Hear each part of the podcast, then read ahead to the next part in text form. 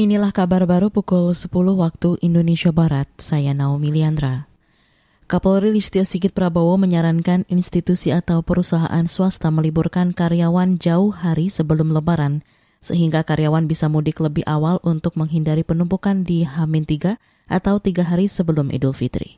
Harapan kita untuk bisa meliburkan atau mencutikan lebih cepat sehingga semuanya tidak menentuk di hari Hamin 3 karena itu kalau uh, cutinya di Hamin 3 pasti akan terjadi kemacetan yang luar biasa. Oleh karena itu harapan kita cuti bisa diatur dan diberikan mungkin dimulai dari H-8, H-7 sudah dilaksanakan. Kapolri Listio Sigit Prabowo menambahkan bakal berkoordinasi dengan kementerian lembaga serta swasta nasional mengenai usulannya itu. Listio juga berharap setelah cuti bersama lebaran nanti, institusi pemerintah maupun swasta masih bisa memperlakukan kerja dari rumah sehingga tidak terjadi penumpukan arus balik. Pemerintah memperkirakan puncak arus mudik terjadi pada Jumat 29 April 2022.